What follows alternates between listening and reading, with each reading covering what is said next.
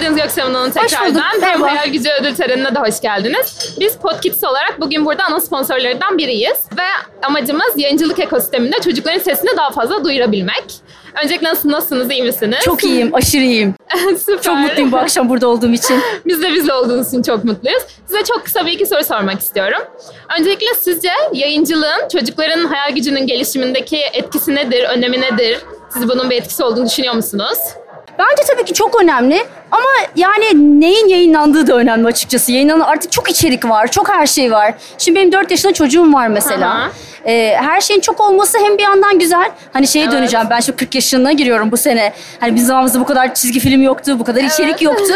Bir yandan tabii şu an çok güzel bir dönem ama içeriklerin kalitesi, çocuğumun yaşına uygun olması ya da herhangi hangi yaşta bir çocuk izliyorsa ya da tüketiyorsa ya da dinliyorsa Hani onun için biraz hassas bir dönemdeyiz. Ben de böyle bir anne olarak biraz böyle dikkat ettiğim bir dönemdeyim bununla alakalı.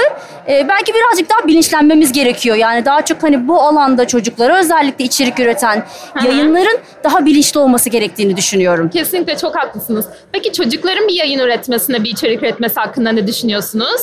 Çocukların sesi bence tabii kültürel olarak sadece bu topraklardan bahsetmiyorum. Sonuçta dünyanın her yeri için geçerli bu. Ama tabii özellikle hani bizim topraklarımızda hep belli bir yaşta belki ben çok şanslıydım. Beni dinleyen bir ailem vardı. Ama yine de hani icat çıkarma. Evet. Dur yavrum. Hani çok böyle fazla da konuşturulmayan bir Bastırılan bir ortamda çocuklar büyüdük. var. Çoğumuz öyle büyüdük yani diyeyim. Kesinlikle. O yüzden hani gençlerin, çocukların hani seslerini duyurması çok önemli. Çünkü şu an dünyaya baktığımızda hep böyle yaşlılar yönetiyor. Ama aslında gençlerin dünyası şu anda. En azından tamam gençler şu an belki yönetemez. Yaşları belki daha ufak ama en azından dinle, ya onları dinlemek zorundayız. Evet. Öyle düşünüyorum. Onların öğrenecek çok şeyimiz Kesinlikle. var. Kesinlikle. Peki son olarak Gökçen Hanım, çocukluğunuzda söyleyecek bir şeyiniz olsa ne olurdu? Nasıl çocukluğuma mı? Evet, kendi çocukluğunuza. Kendi çocukluğuma. Göksem'in haliniz. Valla ben çok mutlu bir çocukluk geçirdim. Hep doğadaydım, izciydim. Böyle dağlardaydım sürekli. Çok derslerim hiç iyi değildi. Umurumda da değildi. Ee, çok iyi bir örnek olmayacak şu an dinleyen gençlere. Ama ee, valla aferin diyorum ya.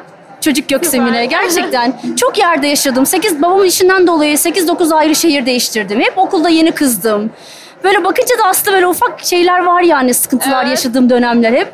Ama ona rağmen e, derslerim de felaketti. Ona rağmen hiç fena iş çıkarmadım bence. Süper. Aferin diyorum o kıza. Aynen. tamam, çok teşekkür ederim Göksen Hanım. teşekkür ederim olduğunuz Aslı. için. Çok memnun oldum. Çok sağ ol sorular. canım. Ben de çok memnun oldum.